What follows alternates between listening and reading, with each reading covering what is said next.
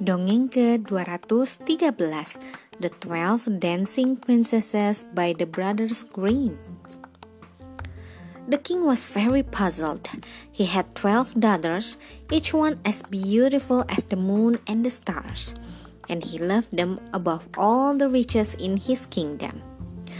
But every morning, the princesses would appear yawning and bleary eyed, and with their shoes quite worn through.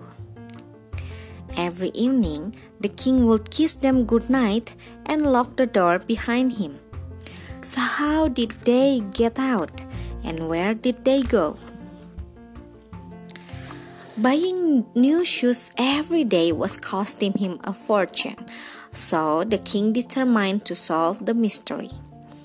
The court messenger was sent to all four corners of the kingdom to issue the king's proclamation that he would give the hand of one of his daughters in marriage to any man who would discover the secret.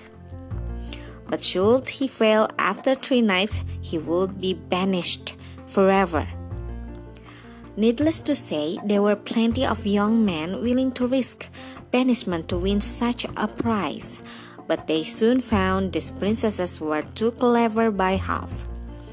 Before they realized it, morning had come, and there were the sleepy princesses and twelve pairs of worn out shoes.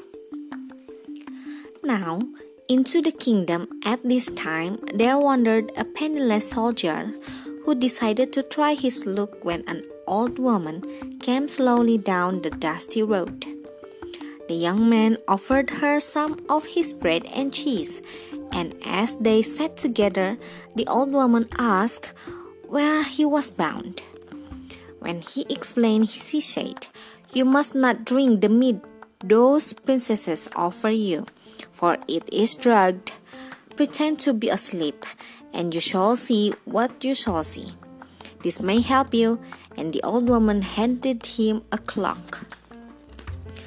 Whenever you wear this, you will be invisible. Use it well. And the old woman disappeared.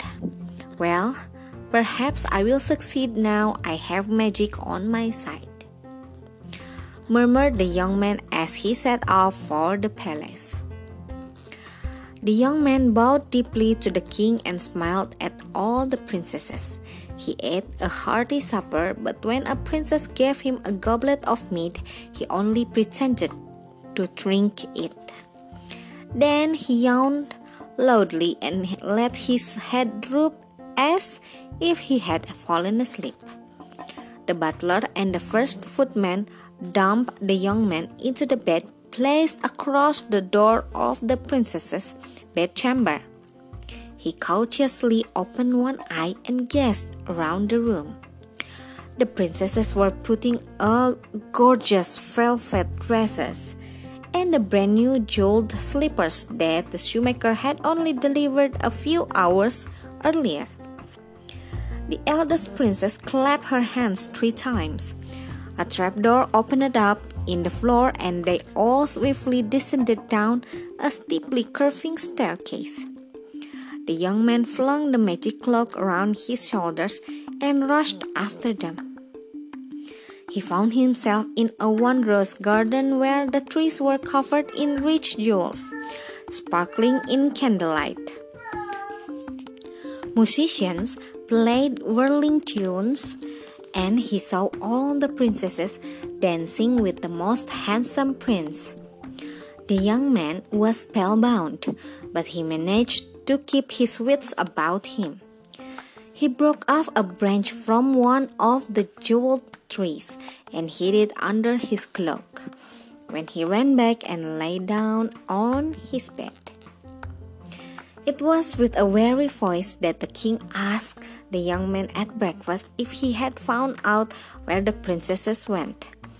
The king sat up quickly when the young man told his tale and produced the branch from the tree.